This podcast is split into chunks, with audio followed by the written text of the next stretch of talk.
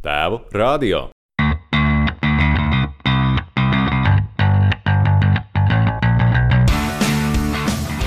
Šajā sarunā kas jāmāc meitenēm par puišu attīstību, ar ko puikas atšķirās no meitenēm un kāpēc mums ir grūtāk atklāt runāt vienam ar otru. Sveiks! Tu klausies tēva radio, kurā runājam par vīriešiem svarīgiem jautājumiem. Mani sauc Gatis Midrovskis, esmu tēva grupu vadītājs un divu ar pus gadus vecs meitas tētis. Un ar tēva radio palīdzību cenšos saprast, kā lai mūsdienu tēvs izaudzina labu cilvēku un to darot nesajaukt prātā, nosargā laulību un uztur arī labu veselību.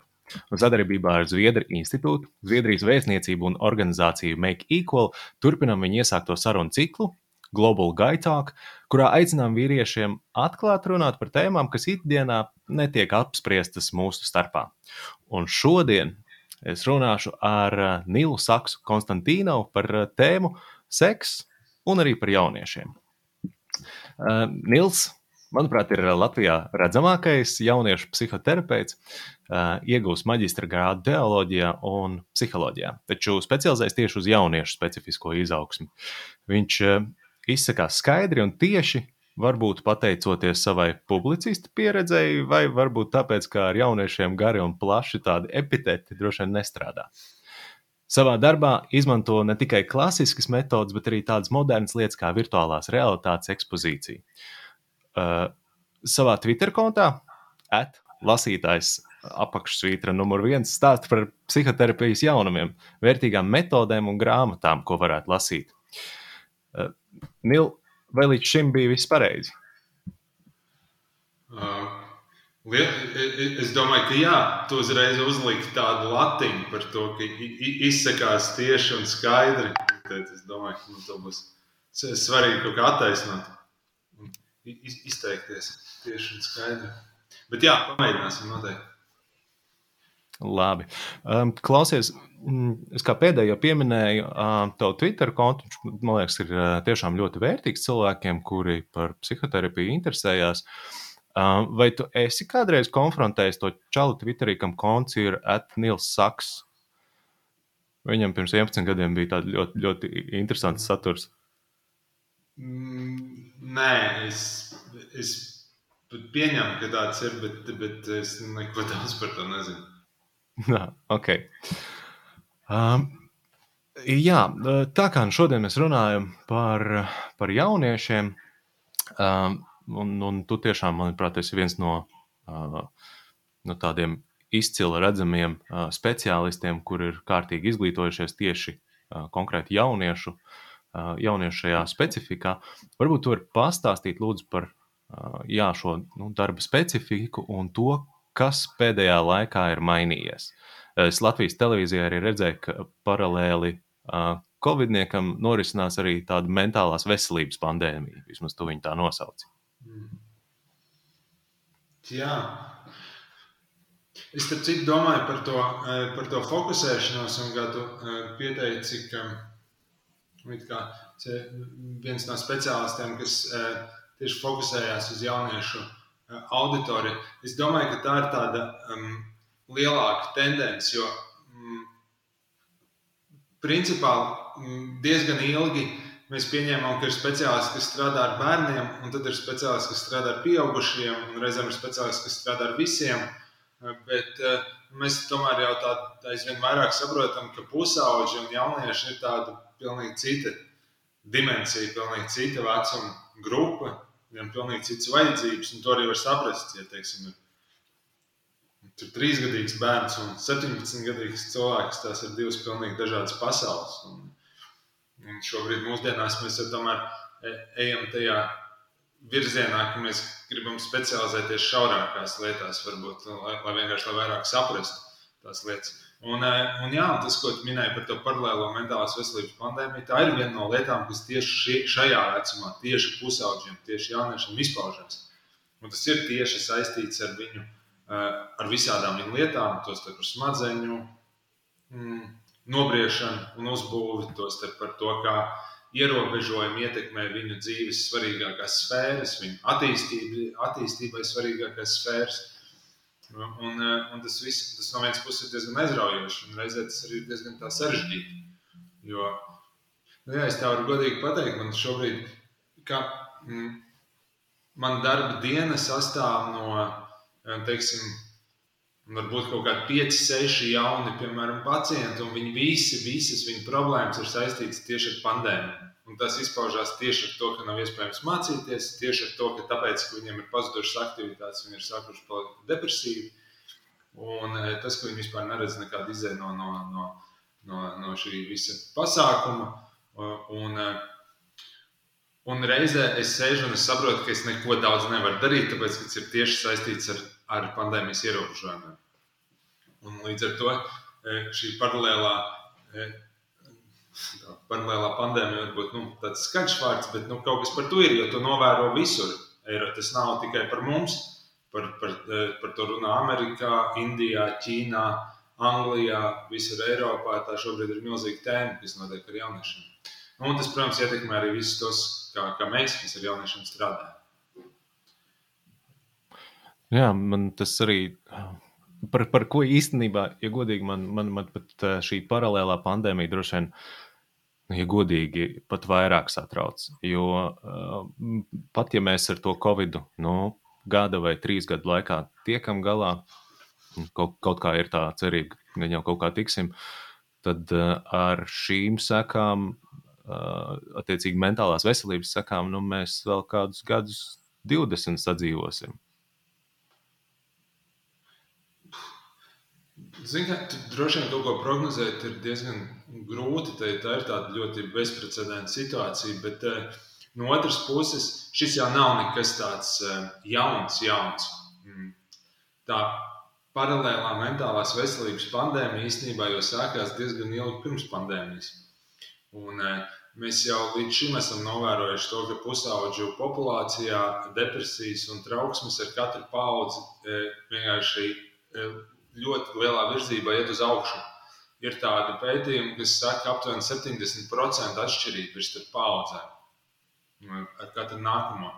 Eh, un eh, mēs zinām, ka šie cipari visi pieauga arī pirms pandēmijas. Eh, Pasaules veselības organizācija brīdināja, ka jau pēc desmit gadiem depresija būs kā, nu, tā lieta, kas visvairāk ietekmēs visus, un tos visvairāk ietekmēs ekonomiku un veselību. Nu, tās lietas jau ir kā brieda un bija diezgan redzams arī pirms tam. Nu, šobrīd, protams, pandēmija to visu ir desmitkāršojuši, droši vien iznes uz priekšplānā. Bet es domāju, ka tas, ko mēs redzam, tas nav nekas tāds pilnīgi jauns, bet tas vienkārši ir kaut kādas tendences un jau procesa, nu, tāds milzīgs sācinājums.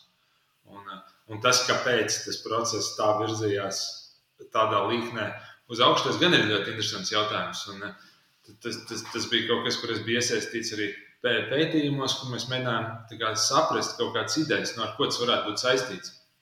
Tā ir ļoti dīvaina lieta, jo it kā dzīve visiem vairāk vai mazāk, nu labi, tagad pandēmijas kaut kas, bet vairāk vai mazāk cilvēkiem tomēr gāja uz augšu. Un, un līdzīgi kā daudz vecāki saka, kas, kas viņiem šobrīd e, piet, pietrūkst.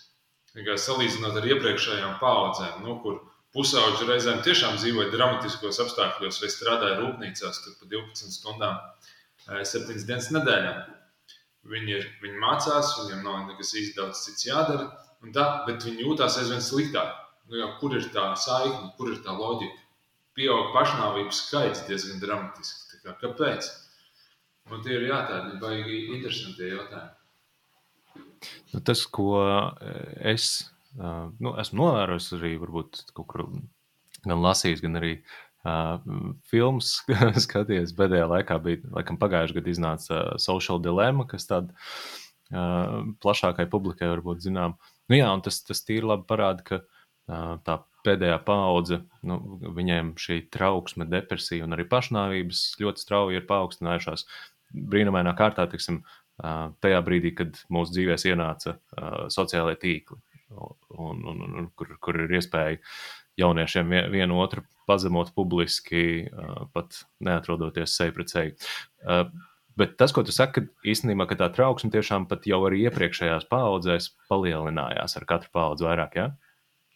Nu, jā, tur gan vienmēr jābūt uzmanīgam, tāpēc ka mēs jau nekad arī neesam tik ļoti koncentrējušies uz mentālo veselību, kā mēs tagad to darām. Mēs nekad tā ļoti neesam pētījuši šīs lietas, bet nu, pēdējās desmitgadēs mēs to darām. Pēdējās desmitgadēs varat to augšupejošo līkni tiešām redzēt. Mm, un, ja nešaubos, tad pēdējā, pēdējā mēneša laikā tu esi iesaistīts arī tāda, tāda forša projekta palaišanā, kā pirmā, pirmās psiholoģiskās palīdzības rokas grāmata, kas ir tieši jauniešiem domāta. Ja? Varbūt bišķietiņi var pastāstīt par to projektu. Jā, pirmā psiholoģiskā palīdzība ir tāda, tā ir ideja un programma, kur mēs ceram katram Latvijas bērnam iemācīt svarīgākās lietas, par, eh, lai viņš saprastu savu mentālo veselību un lai viņš varētu palīdzēt novērst kaut kādas problēmas sev un savam draugam. Un tā ideja ir tāda, ka nu, līdzīgi kā mēs eh, mācām tādas ļoti vienkāršas lietas bērniem, ka vajag mazgāt rokas un vajag eh, tīrīt zobus un, un, un vēl kaut ko, tieši tāpat mēs varam runāt arī par mentālo higiēnu. Un, uh, varbūt tas ir. Un, un tur ir divi iemesli. Viens ir tas, ka uh, šobrīd tā pandēmija ir parādījusi, ka nekādi līdzšinējie pakalpojumi vai speciālisti vai nespēs tikt galā ar tām problēmām, kuras būs. Nu, respektīvi, uh, problēma ir daudz, daudz vairāk, pusauģi ir daudz vairāk, un mēs varam, nu tā, esošie pakalpojumi ir vērsti tikai uz tādām problēmu jau samilzušām problēmām viņas kaut kā ārstēt, mēģināt tur izmisīgi mazināt, bet tas ir attiecās uz ļoti nelielu skaitu. Mums šobrīd ir milzīgi daudz pusauģu problēmām. Mums vajag tāds risinājums, kas palīdz ļoti daudziem.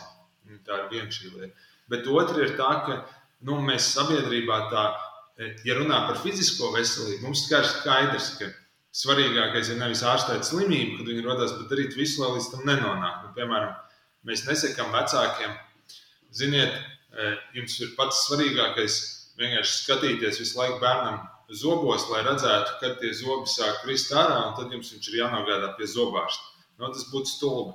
Mēs sakām, jums ir jāiemācās bērnam tīrīt zobi katru vakaru. Bet, ja runā par mentālo veselību, mēs darām tieši tā. Mēs, mēs lūgam, depresijas pazīmes, vai, vai piecas pazīmes, kā pateikt, ka tavs pusaudzis ir suicidāls vai gatavojas izdarīt pašnāvību, vai kā pamanīt, ka bērns graizās. Nu, e, tad jau, kad pusaudzis ir nonācis līdz tam, ka viņš graizās un ir suicidāls, tas jau ir tas nu, solis krietni par tālu. Un, eh, un ļoti to fokusu gribās virzīt atpakaļ tajā profilakses un mentālās higiēnas virzienā, kurā mēs viens mēs varam novērst tās problēmas, un otrs nu, mēs, mēs vienkārši varam neielaist. Tur, tur, kur jau, tur, kur jau ir tās ielaistās lietas, kad jau ir jāsāk ārstēt un kaut kas darīt, tur jau īstenībā eh, mums nav ļoti efektīva lieta, ko mēs varētu darīt, kā mēs varētu palīdzēt šiem pusauģiem. Un tā arī ir lieta, kur jāņem vērā. Un, mm, bieži mēs tā sakām, ļoti svarīgi pamanīt, lai aizvestu pie speciālista. Nu, protams, ir svarīgi reizēm nonākt pie speciālista, bet tā stāsta turpinājums ir tāds, ka ar to ļoti rēti, nu, ne tikai nevienmēr, bet parasti ar to nekas īsti neatrisinās. Tā ir, tās ir no nu, tādas cīņa daudzu turpmāko gadu un reizēm arī mūža garumā. Mm, tā jau gan ir nu, sadzīvošana ar, Jā, ar tām sakām. Un preventīvi, nu, vismaz es, tas, ko uh, bērnu emocionālās audzināšanas kursā, ir tēva grupā, tas, tas vismaz cik, cik es esmu iemāc, nu, uh, iegūstis tādas zināšanas un iemācījies, ka uh, nu, preventīvi droši vien tas, kā es varu strādāt, ir mācīt emocijas, atpazīt bērnam nu, jau no pašas bērnības. Tas, tas varētu būt viens no veidiem. Tas noteikti viens no veidiem, un eh, manuprāt, īstenībā tā svarīgākā lieta, ko var bērnam mācīt, ir kā pārdzīvot smagas emocijas un kā izdzīvot cauri krīzēm. Piemēram, pandēmija ir lielisks laiks, kad to, kad to apmācīt, jo mēs jau savā ziņā sabiedrībā arī patoloģizējam grūtības. Vai, piemēram, bērns bērns jūtas nomākts, bērns jūtas spriedzē, nu, depresija, trauksme, pie psihologa jāsāk kaut kas attiecīgi darīt. Mēs esam sabiedrība, kur, piemēram, mēs baidamies, ka bērnam būs garlaicīgi. Vecāki ir gatavi un sabiedrība ieguldīt ļoti daudz pūles, lai tikai bērns negarlaikotos. Starp citu, ļoti interesanti no mentālās veselības perspektīvas.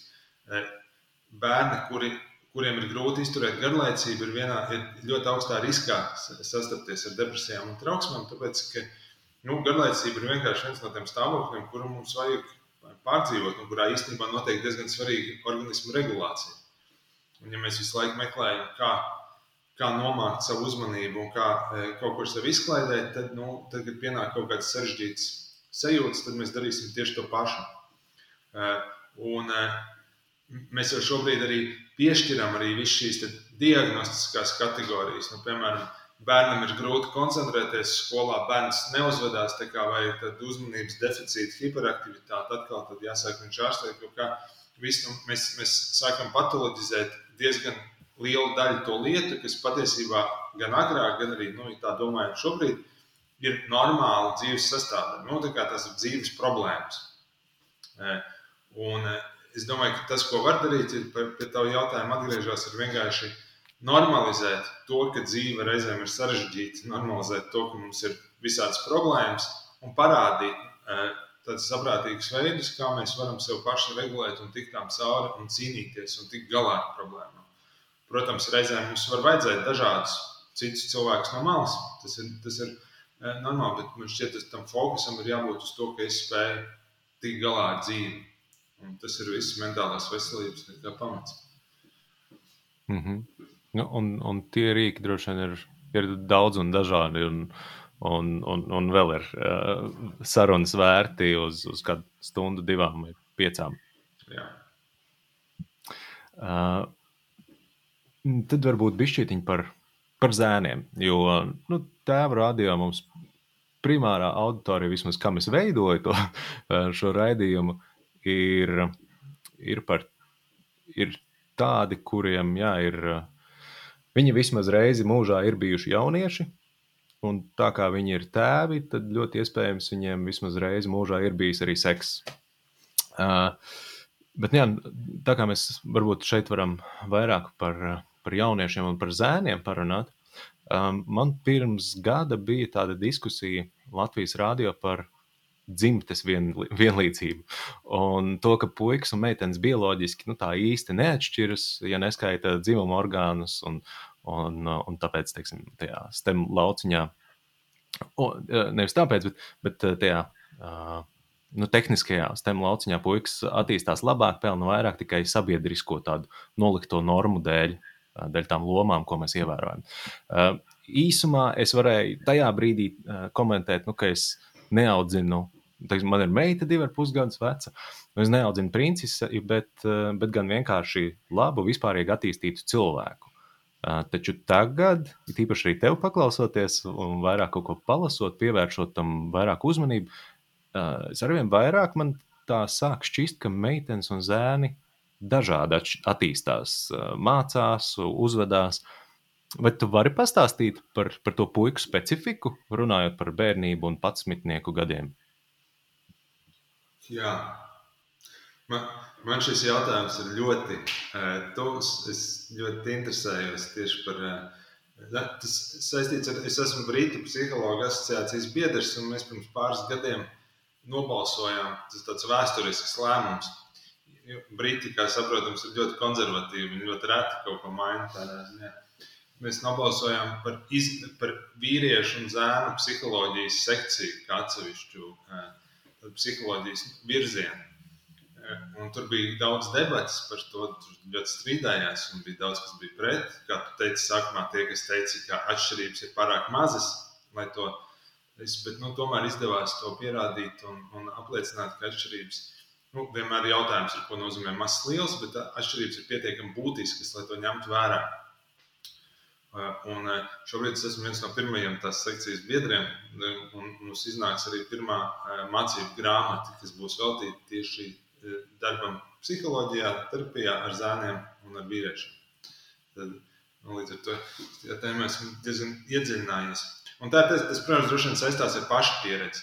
Jo mana pieredze bija, kad es biju patsmitnieks un es nonācu pie psiholoģiem un terapeitiem Tas vienmēr bija psiholoģijas terapeits, līdzīgi kā tagad. Man bija tāds sajūta, ka tas viss nav priekš džekiem.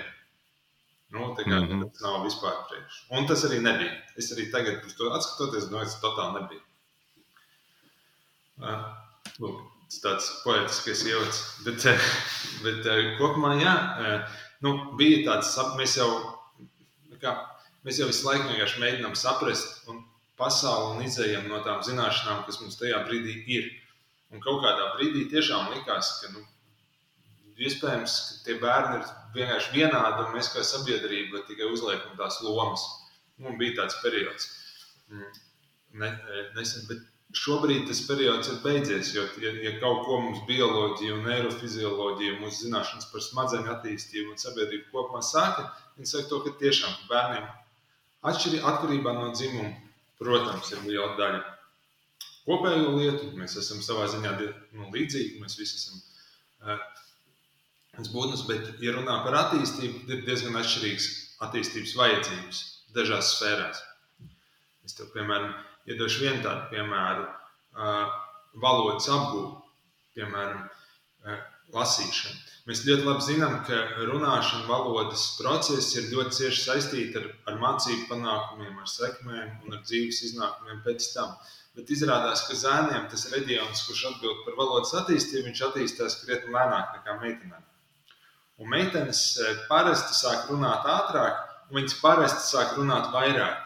Un viņām ja mēs skatāmies no teikumiem, tev būs interesanti to pavērot. Bet droši vien tā meita, nu, viņa ātrāk nekā zēna viņas vecumā sāks veidot, piemēram, salikts pakārtotus teikumus. Vai, vai tu viņai mācīsi atpazīt emocijas, un viņa diezgan labi spēs aprakstīt tās emocijas pēc tam. Tur jau ir viss kārtībā, jā. Jā, jā. Un, eh, tāpēc, starp citu, meitenēm biežāk patīk iet pie psihologa. Tāpēc, ka viņas var šādā formātā, nu kā viņas pirmkārt labāk un vairāk runā, Un otrkārt, nu, viņām ir vieglāk runāt par savu iekšējo pasauli. Tas nav tāpēc, ka zēni būtu kaut kā nejūtīgi vai ka viņi visi nespētu atšķirt emocijas. Absolūti nē. Vienkārši zēniem citādāk attīstās valodas, e, e, valodas apgūve, viņi attīstās lēnāk. Nu, un to zinot, mums vienkārši vajag to ņemt vērā. Tāpēc zēniem ir svarīgi, ka viņiem lasa priekšā, piemēram. Un ir svarīgi, lai viņiem lasa priekšā daudz ilgāk nekā, piemēram, meitenēm. Man ir tādi puiši, kas nāk terapijā, ļoti interesanti. Tur viņiem ir 12, 13 gadi, un vecāki viņiem vēl joprojām lasa priekšā. Un es to arī iesaku, bet tas ir, tas ir ļoti svarīgi, tāpēc, ka tādā veidā nu, mēs palīdzam viņiem at, kompensēt to, pievilkt klāt. Mēs arī zinām, ka fizioloģiski no nu, attīstība noris dažādos ātrumos. Meitenes attīstās ātrāk, tas nav aptuveni divi gadi, ir tās šķērs starp psiholoģisku vecumu, bet mēs abus bērnus saliekam vienā klasē zēna un meitenes. Nevis tāpēc, ka viņi būtu fundamentāli dažādi, viņi vienkārši ir dažādi attīstījušies. Tāpēc, ka tajā vecumā mēs attīstāmies dažādi. Tajā vecumā katram gadam ir milzīga nozīme. Un, protams, ka klasē, ja tu esi vairāk attīstījies, tu labāk runā, tu esi nobriedušāks, jo tavs sekmes būs labāks, jo tu labāk patiks skolotājiem. Jo tu esi vairāk pa gaisu, bērnišķīgāks, nepaklausīgāks. Vēl kaut kas, ja tavs sekmes būs sliktāks, tu mazāk patiks skolotājiem. Tu mazāk patiks skolotājiem, ja tev skola vispār būs sarežģītāka, tad dzīve skolā būs grūtāka. Uh, nu, mēs to zinām, starp citu, puišiem, jo, ja puisis piedzimst vēlāk, piemēram, novembrī vai decembrī, viņam pat par 70% pieaug iespēja, ka viņam diagnosticēs uzmanības deficītu vai hiperaktivitāti. Nevis tāpēc, ka viņam būtu kaut kāda smadzeņu kaita, bet tāpēc, ka viņi vienkārši ir bērnišķīgāki. Salīdzinājumā ar tiem, kas būs piedzimuši gada sākumā vai vidū. Un tas tā liekas komiski, bet tie ir reāli sabiedrības veselības pētījumi. Mēs to zinām, ka tas tā ir. Un, Reizēm es tagad smējos, kā decembrī dzimis čels. Jā, nu, varbūt kaut kas reģistrējās ar pašu pieredzi. Ir, ir, ir, ir bijis šī tā. Nu, bet tas ir normāli. Mēs briestam tajā vecumā, mēs briestam pa mēnešiem. Un, eh, un džeki, kas būs piedzimuši gada beigās, būs bērnišķīgāki. Parasti. Es arī esmu dzimis novembris beigās, tikai es to eh, zinu. Un, un, es, un, un, un tas tā arī tiešām jābūt novērot. Nu, lūk, un šī tādas visādas mazas lietas. Protams, tas nenozīmē, ka tur ir kaut kāds milzīgs atšķirības, nu, fundamentāls, ko zēna meitenes kaut kā. Bet, nu, ja mēs ņemam no apmācību viedokļa, no skolas, vēl no kaut kā tām ir ļoti būtiska nozīme. Jo tas nu, beidzās ar to, ka tas fundamentāli ietekmē izredzes to bērnu tālākajā dzīvē. Un mēs to redzam arī tagad. Daudz mazāk puikas turpina mācības nekā meitenes. Daudz, daudz mazāk zēni kļūst, piemēram, studē doktorantūrā nekā, nekā meitenes. Un tā ir pilnīgi visos kā, um, izglītības līmeņos. 9. klasē atbirs vairāk zēnu nekā meitenes. Nu, tā, piemēram, tā skolas sistēma ir tā vieta, kur šīs atšķirības tiešām spēlē fundamentālu lomu, un kuras mēs pagaidām tā īsti neņemam vērā. Nu, man liekas, ka to arī. Jā, un tu, tu, tu arī kur minēji, ka nu, tādas nedaudz sāpīgas statistikas par to, ka uh, ja nešaubos, 95% no ieslodzījumā esošajiem cilvēkiem ir vīrieši. Mēs mirstam daudz ātrāk, mums ir daudz, lielāka, daudz lielāks potenciāls teiksim, izdarīt arī pašnāvības. Un, nu, tavuprāt, tu arī savilktu to ar, ar to, ka skolas laikā nu, mēs esam pazaudēti bišķiņi. Attiecīgi, ka tā sistēma ir izveidota galīgi nerēķinoties ar tām mūsu specifiskajām, varbūt, eh, izaugsmas vajadzībām, ka viņas ir pie, pakārtotas tomēr meitenēm? Mm. Es domāju, ka tur ir daudz lietas. Skola ir viena no tām. Protams, ka tas neatieksies uz visiem. Nu, teiksim, ir pietiekami liela daļa puišu, kuri ļoti labi tiek galā ar skolu un kuriem šīs nebūs problēmas. Un, eh, kas šo, šīs šķērslis tādā veidā neizjutīs arī eh, ne tikai zēnu un meitenes attīstās dažādos ātrumos, bet, bet eh, zēni arī attīstās ļoti dažādos ātrumos. Un, un mūsu katras spējas ir ļoti atkarīgas no, no temperamenta, no ģimenes, no visādām lietām. Ka mm, šis, šis, attīstī, šis daudz vairāk attiecās to, uz, uz, uz to daļu, no kuriem tas sagādās eh, problēmas. Bet es domāju, ka nu, tas jautājums par to, kāpēc vīrieši mirst un slimo eh, vairāk un biežāk, tas ir ļoti svarīgs. Un īpaši svarīgs tas ir Latvijā, tāpēc ka mūsu atšķirības ir neiedomājamas. Nu, tā tās atšķirības, kas ir Latvijā, viņas tādā veidā neizpaužās citās Eiropas Savienības valstīs. Viņas nav tik lielas. Nu, bet starp citu, tās nav vienīgās atšķirības. Mums arī atšķirības starp nabadzīgo cilvēku dzīves ilgumiem ir, ir, ir ārkārtīgi izteikts. Nu, piemēram, nabadzīgs cilvēks Latvijā dzīvo daudz, daudz īsāku laiku nekā nabadzīgs cilvēks Zviedrijā vai, vai Vācijā. Un, droši vien mēs saprotam, kur teica, bet nu, ar vīriešiem ir līdzīgi. Es domāju, viens ir par skolu, nu, protams, tie ir formējošie gadi, tie mūs ieliek vienā vai otrā. Es domāju arī par sabiedrības struktūrām, kā mēs. Uh, es patiesībā domāju, ka uh, sabiedrības pārmaiņas ir, ir mūsu sabiedrība, tas, kā veidojās, šobrīd ir pazudušas daudz no tām struktūrām, kur vīrieši tradicionāli saņēma priekš sevis to mm, e, emocionālo atbalstu. Nu, piemēram, tur šis vīriešu, vīriešu kolektīvi, tur masonu ložas, mednieku kolektīvi. Visas vis šīs brālības, vienkārši tās eh, veču pirtis un tādas lietas. Nu, mūsdienās tas savā ziņā sarūk, bet, bet lielā mērā vīriešiem tas ir veids, kā mēs nu, risinām savas emocionālas problēmas. Tas nav ļoti dabisks veids patiesībā vīrietim iet un tā. Tā no eh, labi, tas izklausīsies drusku kontroversiāli. Varbūt tā nevajag teikt. Bet Droši. mums nav eh, pārsvarā, pārsvarā Protams, ir dažādi, bet pārsvarā vīrietim nav baigi dabiski. Kā piezvanīt, pateikt, zini, man, man sasāpējusies sirds, es vēlos tagad parunāt. Un atnāk viņš tā nosēsties acis pret aci un izklāstīt mm. savu sirdi. Nu, mēs tā pārsvarā tomēr nedarām. Bet tas, kā mēs darām, ir, es saku, paklausies, vai izbraucam pamušķerēt vai aiz, aiz kaut kur rallijā. Nu, restīvi caur darbību un caur kaut kādām aktivitātēm. Un tas ir veids, kā mēs to darām. Sievietes, jā, sievietēm tas ir ļoti dabiski. Piezīmēt draudzenei, pateikt, aizjām uz kafejnīcu. Nu, aiziet uz kafejnīcu, nosēžas vienotrai pretim, un viņas var izskatīt savu sirdi. Tie vienkārši ir dažādi veidi, kā mēs regulējam savas emocionālās spriedzes. Tas ir, ir evolucionāri. Mēs paskatāmies, kā zēna un meitenes dara, kad viņi ir mazi. E, ir pastāstīts, kā puikas daudz vairāk spēlē aktīvas spēles, un, piemēram, ar tēviem. Tas ļoti interesanti pētījumi, man patīk ar viņiem runāt. Ja filmē, kā tēvs spēlējās ar, ar, ar zēniem, tad viņi spēlējās citādāk nekā viņi spēlējās ar meitenēm. Un ar zēniem daudz vairāk spēlē laušanos un visādus sportus. E, nu, teiksim, ķermeniskais kontakts ir daudz lielāks. Un ir ideja, ka tas ir evolucionāri, tāpēc, ka vīrieši šādā veidā regulē spriedzi daudz e, efektīvāk. Ar ķermenis, ar ķermenisku kontaktu. Puisiem patīk visi šie kontaktu sporti, kur viņi ir viens ar otru visu laiku kaut kādā miedarbībā, un tas ir veids, kā viņi regulē spriedzi. Meitenes diezgan labprātāk runā. Nu, viņām patīk visas šīs leļu spēles vairāk un, un e, rotaļas, kurās ir kaut kādas nu, sarežģītākas darbības, bet ne tik e, daudz ķermeniskā kontakta. Nu, tas ir veids, kā viņas to pārdzīvo. Tas ir normāli, tie ir dažādi ris, risinājumi veidi.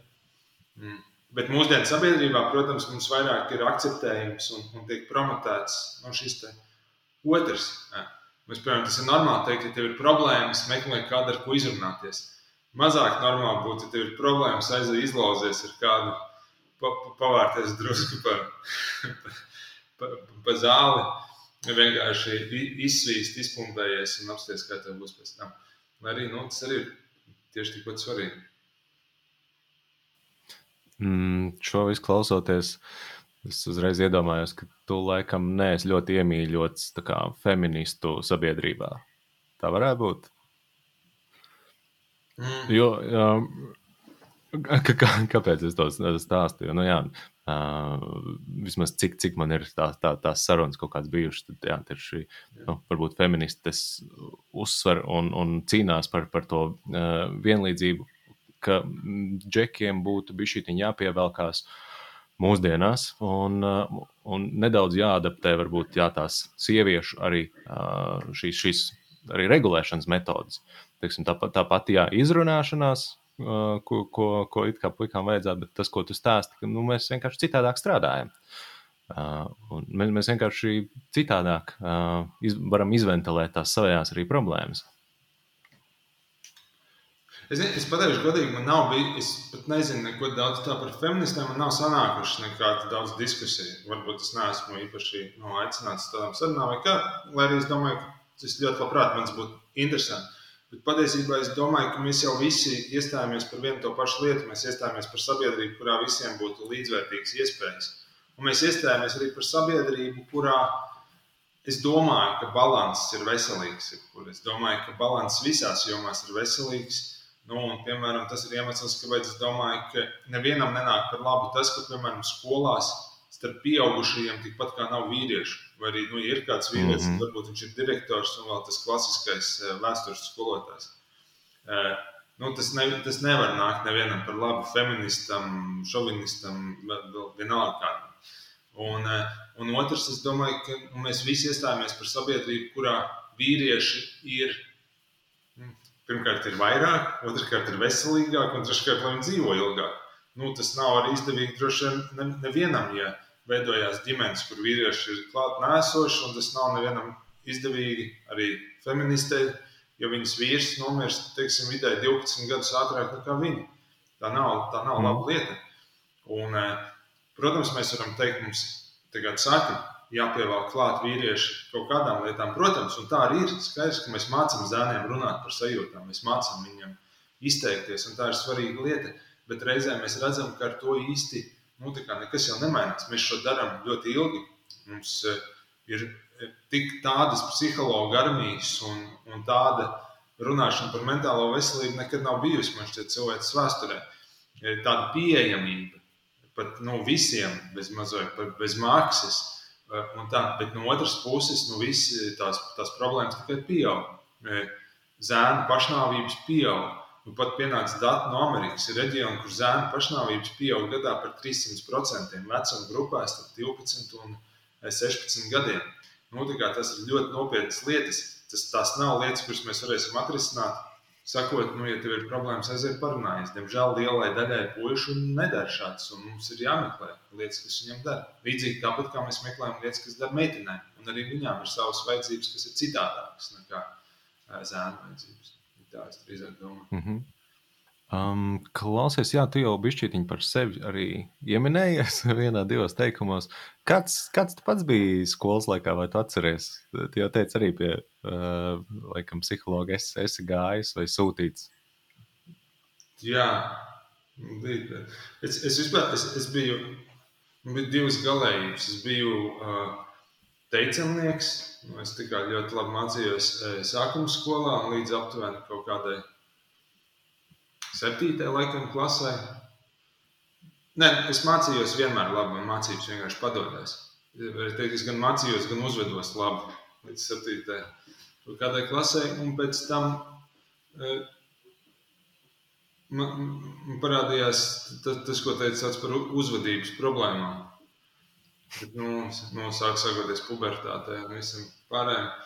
Un, un jā, nu, es sāku neiet uz skolu un darīt visādas lietas, kuras liela daļa zēna dara. Un tas ir tas, kā mums izpaužās mūsu grūtības pārsvarā caur uzvedību. Un tas nokļuva jā, pie dažādiem psihologiem. Un, bet nekas, un ne tikai pie psihologiem, es kaut kur es nokļuvu. Bet, tas viss man likās ļoti stulbi. Un tad man aizsūtīja uz Ameriku, uz citu skolu, citu valsti, un visas manas problēmas pazuda vienas dienas laikā. Tā kā man ir nu, arī tāda pieredze. Un es kļuvu par, par ļoti labu skolnieku, kurš bija ļoti, ļoti iesaistīts skolas dzīvē, kuram ļoti patīk viss, kas notiek ar skolu. Ah, jā, tad 9. klasē, kaut kāda vidusskola, tev jau bija nu, pilnīgi mainīta. Jā. No, Forši, kur te var vienkārši nomainīt vidi. Jā. Un tur, tur arī bija tā kā citādāka pieeja jā, tam mācību procesam. Nu, tur bija jā, krietni citādāk. Protams, man arī paveicās, ja es vienkārši nokļuvu ļoti labā skolā. Tā bija veiksme. Arī Amerikas eh, kontekstā, bet, jā, bet tur izrādījās, no tā skola pirmkārt bija mazāka. Tur izrādījās, bija visādas lietas, kur es varēju izpausties. Tur varēja nodarboties ar teātri, ar mūziku. Es sāku apgūt kā, klasisko mūziku. Eh, tur bija orķestris, tur bija visādas. Nu, interesants lietas, un tur bija skolotāji, kurus es varēju cienīt. Nu, kā, tur bija reāli tādi skolotāji, kuri nu, pēc, pēc tās Latvijas, pēc, pēc savas iepriekšējās pieredzes, kur visi skolotāji asociējās vai nu ar ļoti, ļoti dusmīgām un tādām mm, nu, bailīgām kundzēm Vai, vai, vai arī vēl kaut ko tur pēkšņi bija tādi nu, pieaugušie, ar kuriem man bija interesanti, un viņi, viņi radīja iespēju, ka viņiem ir interesanti un svarīgi ar mani. Un es domāju, tas arī ir viss, e, lielais, protams, viss, viss izglītības sistēma, un tā tas ir otršķirīgi. Vienkārši bija tā, nu, tā vide, kas bija balstīta uz attiecībām, un, un kur man kā pusaudzim bija sajūta, ka es varu kaut ko svarīgu kontributēt. Un, e, Jā, tas nu, kaut kas tur pēkšņi notiks. Pilnīgi citādāk darbojas. Man liekas, ka Amerikā arī nu, tāds mm, nu, psiholoģiskā uztvere vai, vai tā psiholoģiskā nozīme liekas, jau arī ātrāk ir attīstījusies. Nu, tas jau, ka viņi bija šī ātrāk saprata to, cik svarīgi ir tā psiholoģiskā puse. Tā varētu būt. Jā, kaut gan tad, kad es mācījos, tur vēl nebija tādi uh, mentālās veselības, visādi uh, konsultanti un psihologi skolā. Uh, bet, uh, bet es domāju, jā, ka tie ir intuitīvi. Viņi gājas kaut kā tā ir laba skola. Tad, principā, tas principā laba skola nozīmē to, ka ir labas attiecības skolotājiem ar, ar, ar skolēnu un labas attiecības skolēniem savā starpā. Nu, cik tas iespējams, protams. Bet, uh, un, un, un tas šajā ziņā bija. Mhm. Mm. Nu, tajā laikā, tajos tīņa gados, mums ir vēl ir viena tāda īpaša lieta, kas attīstās. Nu, tā ir dzimuma tieksme. Un bieži vien arī nu, pirmās seksuālās pieredzes ir tajā vecumā. Un, nu, manas atmiņas no tā laika ir tādas, ka čaļi mēdz lielīties ar cik tā, tā, tajā laikā sauc par džungām, ir nolaists weekendā. Uh, un uh, ka viņiem ir uh, 30 centimetri peņi un uh, visādas citādas pārspīlētas lietas. Uh, nu, tā kā atklāti patiesi, nu, tā kā neviens kompānijā par to nerunāja. Uh, manā situācijā arī mājās par to nerunāju. man bija uh, viens draugs, kurš agrā bērnībā, es nezinu, vai tie bija 10 vai 13 gadi, uh, iemācīja man, uh, pastāstīja, kā masturbēt. Teiksim, tad, tad tā varbūt ir kaut kāda viedīgā saziņa, kā reālā par, par, par to pusi.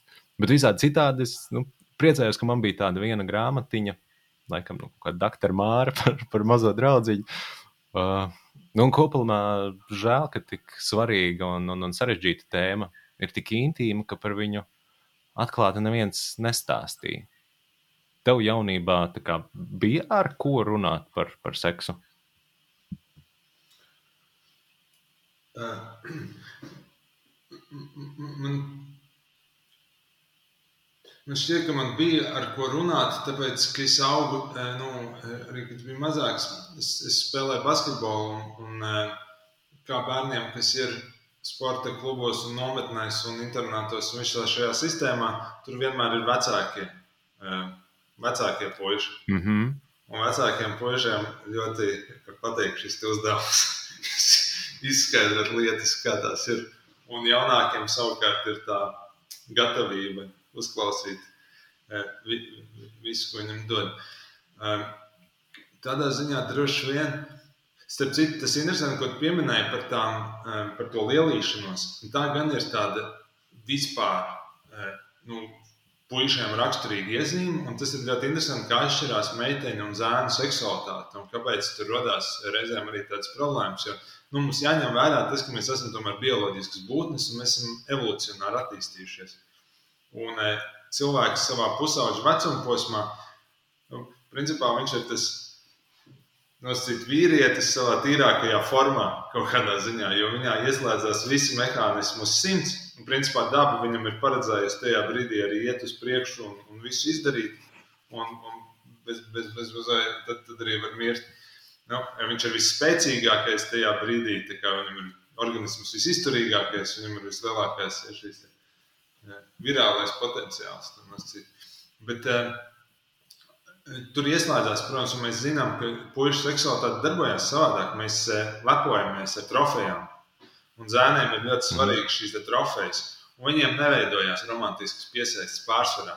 Ceļš, ja mēs skatāmies tur, kur ir seksualitāte 14, 15, 16, nu, reizēm 17, tas ir diezgan mehānisks attiecības. Un to, tas drīzāk līdzinās masturbācijai eh, ar meiteni nekā nu, seksuālām attiecībām.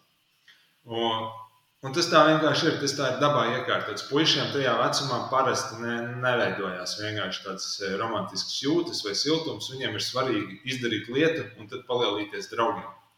Tas ir interesanti, tas, ko pieminēji. Puisi bieži arī masturbē kopā.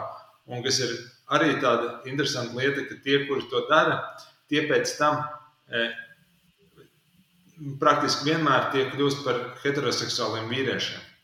Un, un savukārt tie puiši, kuri eh, jau viņi tam nepievērš īstu uzmanību.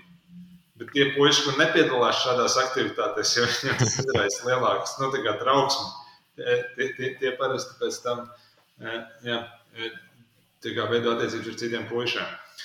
Tā ir interesanta lieta. Bet kur tur tā problēma veidojās? Tāpēc, ka zēnu seksualitāte darbojās šādi. Bet meitenēm tas ir citādāk. Meitenēm kā reiz veidojās romantiski piesaistīta. Viņām ir ļoti svarīgi izveidot šīs emocionālās saiknes. Un, eh, un bieži tur notiek tā, tā sadursme, un tāpēc bieži meitenes skatās uz vecākiem puišiem. Jo, eh, nu, jo tie ir tādi, kur it kā viņām var dot šo emocionālo saikni. Eh, un to ir ļoti svarīgi meitenēm atkal pastāstīt, un meitenēm būt gatavām mm -hmm. tam. Un, jo tur, protams, ir arī daudz riski. Viņas meklē šo emocionālo saikni, un, un, eh, un vecāki vīrieši to var izmantot nelāgos nolūkos. Un tāpēc ir ļoti svarīgi, lai meitenēm apkārt ir droši pieaugušie tēvi, pēc tam arī skolotāji, kur viņas var iegūt to emocionālo atbalstu, bet kas nav saistīts ar seksuālu. Nu, zēniem atkal tas viss ir vienkāršāk. Viņiem eh, diezgan ilgi tas viss ir tiešām par ģenitāliju apmierināšanu, bez, bez īpašām eh, citām problēmām. Jā, tas ir interesants jautājums par to stāstīšanu. Es domāju par to, ka zēni par to tik maz zina. Tas ir saistīts ar to, ka zēniem apkārt ir vienkārši mazāk. Mm, nu, pirmkārt, mums nav tās iniciācijas, it kā vairāk sabiedrībā, bet zēniem mazāk ir arī vecāku puikas, bet arī vecā, nu, pieaugušu vīriešu atbalsts ārpus ģimenes. Nu, kas būtu droši un veselīgi. Un tā, jo, principā, mēs to sabiedrību šobrīd tā ir aizgājusi tādā virzienā, ka bērni it kā ar bērniem ir kopā visās vietās, skolā, komandā, sporta pulciņos. Un pārsvarā šajās vietās pieaugušie nu, ir skolotājs. Un, uh, ir diezgan grūti arī puisim nonākt tādā vidē, nu, kur ir šī puiša e, kopiena, kur ir viņš, tad ir vecāki puiši un tad pieaug, pieauguši vīrieši, kuri varētu šīs lietas nodot. Jo, protams, tas nebūs nekas tāds, par ko tu runās mājās ar, ar vecākiem. Nu, es, ir, protams, tāds virziens, kas saka, mums jābūt ļoti atklāti, ir par šīm lietām jārunā. E, es domāju, ka ir jārunā līdz zināmai robežai, bet šīs sarunas nu, ir drusku dīvaini. Tomēr, ja, e, ja, ja mēs pārunājam tādas tādas ļoti intīmas lietas ar vecākiem. Tas ir saistīts ar to, ka tur ir milzīga trauksme. Un tas ir pusauģiem ir dabiski, viņiem ir trauksme šo pārunāt ar vecākiem. Nu, tā mums tas ir psiholoģiski mehānismi. Tie ir mehānismi, kas patiesībā, e, tie patiesībā regulē un aizstāja pret to, lai neveidojās incestuāls attiecības. Tas ir iemesls, kāpēc mēs psiholoģiski ar vecākiem mums veidojās šī barjera runāt par seksu. Un tā ir svarīga barjera. Tad mums ir e, vajadzīgs attiecības ar pieaugušiem ārpusē. Pretējā gadījumā tie būs vienaudži, kas viens otram stāsta, kā lietas notiek, vai pornogrāfija internetā. Nu, tad tas kaut kā saliekas kopā un veidojas. Es, es domāju, ka ir svarīgi vienkārši puišiem būt kontaktā ar, ar, ar, ar līderiem, ar vīriešiem, tostarp arī ārpus ģimenes, kas viņiem var izstāstīt arī par šīm lietām, un pēc tam izdarīt to sakarīgā, saprātīgā veidā. Mm -hmm. Tas nozīmē, ka, nu, teiksim, nu, vecākiem nevajadzētu arī baigi uzmākties ar šo tēmu, varbūt tieši stāstīt, drīzāk parūpēties par to, ka viņiem ir nu, kāds pieaugušais tā paša dzimuma pārstāvis, kurš, kurš varētu atklāt, izrunāties, un kuram savukārt varētu kā pieaugušais vai um, nu, nedaudz vecāks, jā, teiksim, jaunietis, mm. kurš varētu izstāstīt, kas kā notiek. Jā, es domāju, ka tā vispār ir atslēga uz, uz, uz, uz tādiem dzīves panākumiem. Ka, un tas labākais, ko var puisim izdarīt, būt labai ģimenei un pēc tam nodrošināt to, ka viņam ir kontakts gan ar vienaudžiem, gan ar veselīgiem, pieaugušajiem viņa dzimuma ārpus ģimenes. Kas, kas, uh, jo nu, tas mūsu dzīves attīstības posms, kā zēniem, nu, viņš ir. Mēs no sākuma līdz aptuveni septiņiem gadiem esam pie mammas, mēs esam mammas bērni. Pēc tam mēs sākam interesēties par to, ko dara tētis. Līdz aptuveni 14 gadiem tas mūs interesē. Un, un pēc tam mums vajadzīgs kāds, kas mūs eh, kā, ievirza tajā, ko mēs paši varētu darīt, par ko kļūt, kā identificēties, mūsu personības veidot un tos var atbildēt arī uz šādiem jautājumiem. Nu, plus viņus arī ievirzīt kaut kā sakarīgi. Man īstenībā vakar tieši arī bija viena saruna ar tēti, kuram ir divas meitas, 5 līdz 7 gadi, 5 un 7. Un, uh, un, nu, nu, viņam tā situācija bija tāda, ka viņš īstenībā nebija iesaistīts tajā ģimenes dzīvē. Nu, principā līdz šim. Un tur ir šķiršanās, un, un, un tagad savukārt viņš tiešām grib kārtīgi atgūt to visu laiku. Tas, ko tu saki, kad uh, pēc tiem septiņiem gadiem tad, uh, tad, tad īstenībā ir tā dabīgā interese par to, ko tētis dara dzīvē. Ja?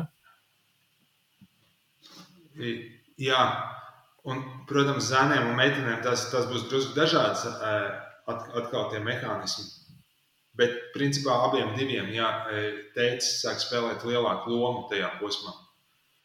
Un, nu, tas ir arī saprotami iemeslu dēļ, tāpēc, ka viņiem ir mazāk kā, citu šo pašaprūpas vajadzību. Un viņi var pavadīt vairāk laika kopā ar tēti. Un tētim šis posms ir patiesībā no bērna psihiskā viedokļa tieši attiecībās ar pašu bērnu ir visfundamentālākais. Tas ir tas posms, starp to, kurā viņš, eh, kurā viņš var atdalīties no mammas, lēnām, bet viņš vēl nav aizgājis pusauģa eh, no attīstības posma, šis vidus, kurā viņam ir iespēja attīstīties un, un zēnam veidot savu identitāti, un meitenei atkal veidot savu, uh, savu sievietes, meitenes identitāti attiecībā pret vīrieti nu, kurš ir pie, drošs un stabils. Un, eh, un kas, kas, eh, un tas, tas, tas absolūti ļoti, ļoti, ļoti svarīgs tajā vecumā.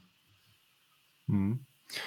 Mm, kā tev pašam īstenībā nu tagad, kā pieaugušam esot, mm, es nezinu, mm, varbūt tev kā terapeitam uh, varbūt nav tik daudz jautājumu par, par seksu tēmu, bet varbūt nu, arī tev ir bijuši tie, tie gadījumi, kad nu, gribās par kaut ko, teiksim, parunāties, izrunāt, bet īsti nav bijis. Jo man, pieņemsim, daudz tādas situācijas, varbūt tajā pieaugušā vecumā tagad nav.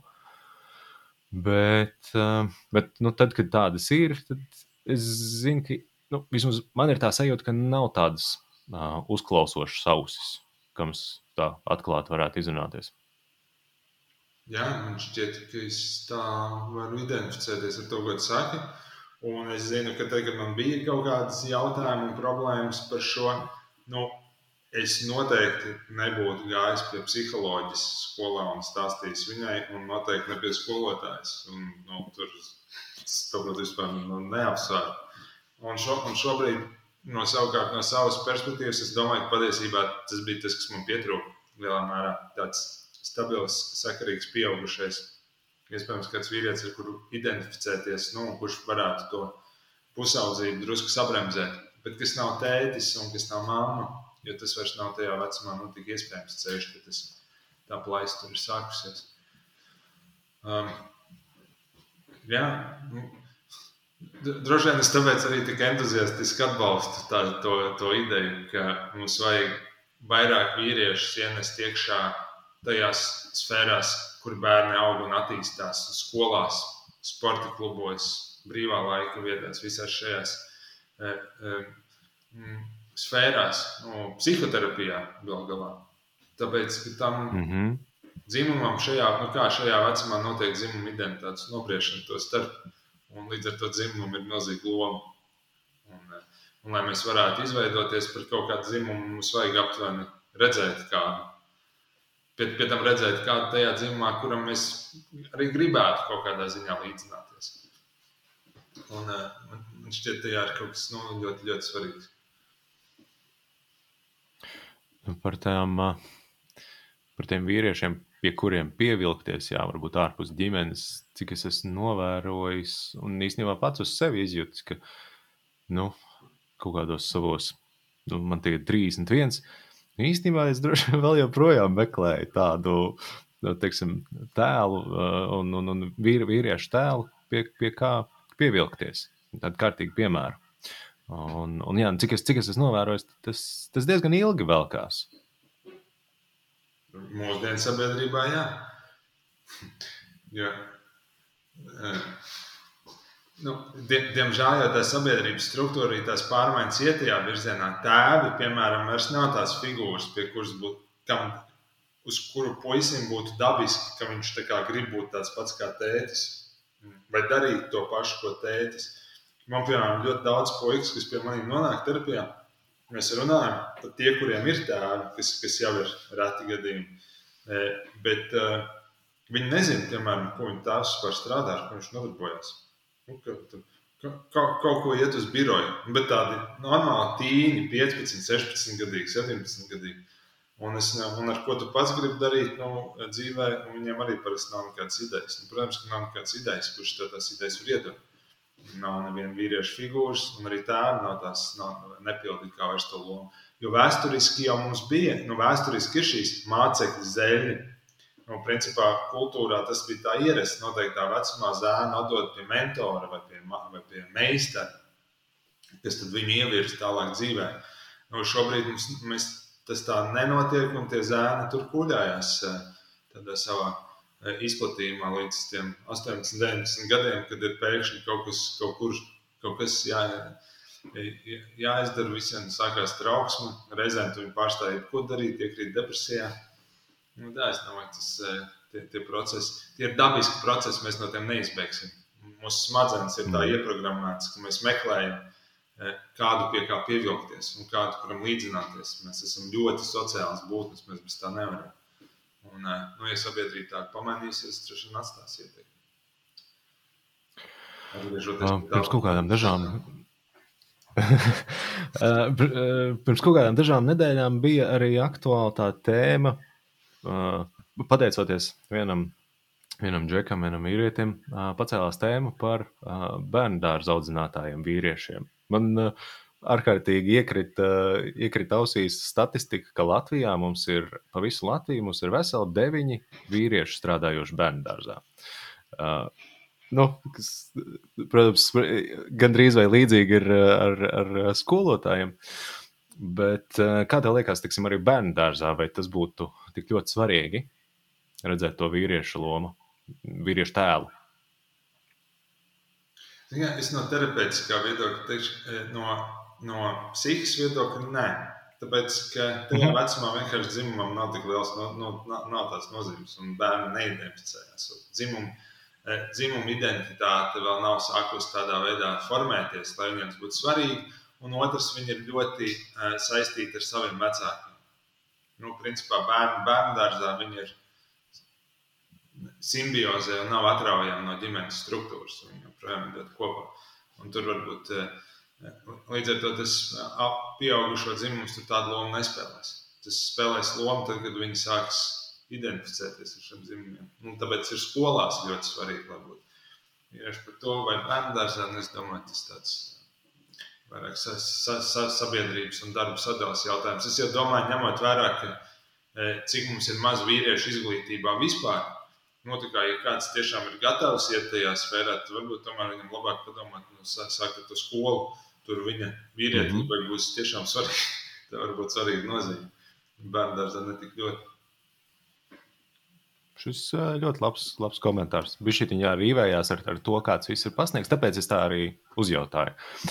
Um, nu ko, pirms, pirms mēs nobeidzam ar pēdējiem jautājumiem, um, Kā cilvēki varētu ar tevi sazināties? Kur tev var atrast?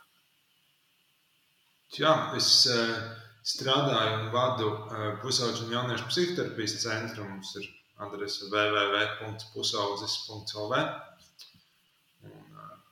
Ar turieni var pierakstīties, vai pieteikties, vai vienkārši sazināties, vai uzzināt. Un, uh, droši man arī var rakstīt Facebook.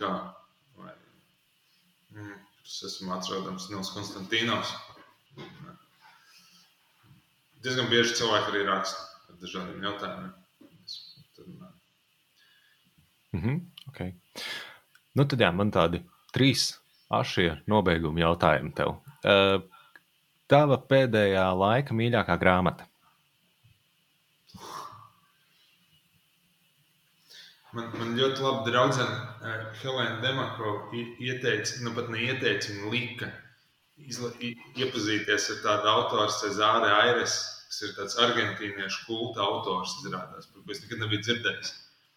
Un es pagājušajā weekendā izlasīju pirmo, pirmos divus, pirmās divus viņa stāstus, un esmu absolūti iespaidots un joprojām tajā Latvijas Amerikas maģiskā realisma tādā migliņā dzīvoju. Ok, forši. Vai tu tici citplanētiešiem?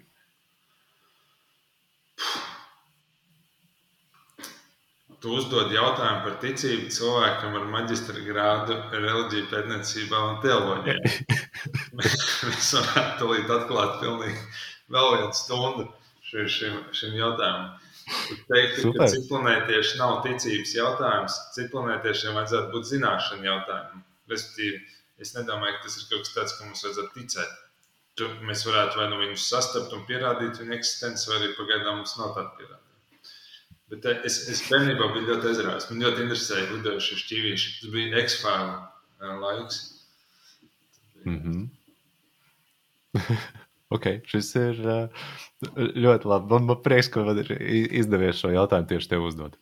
Uh, viens padoms, ko tu atceries no sava tēva?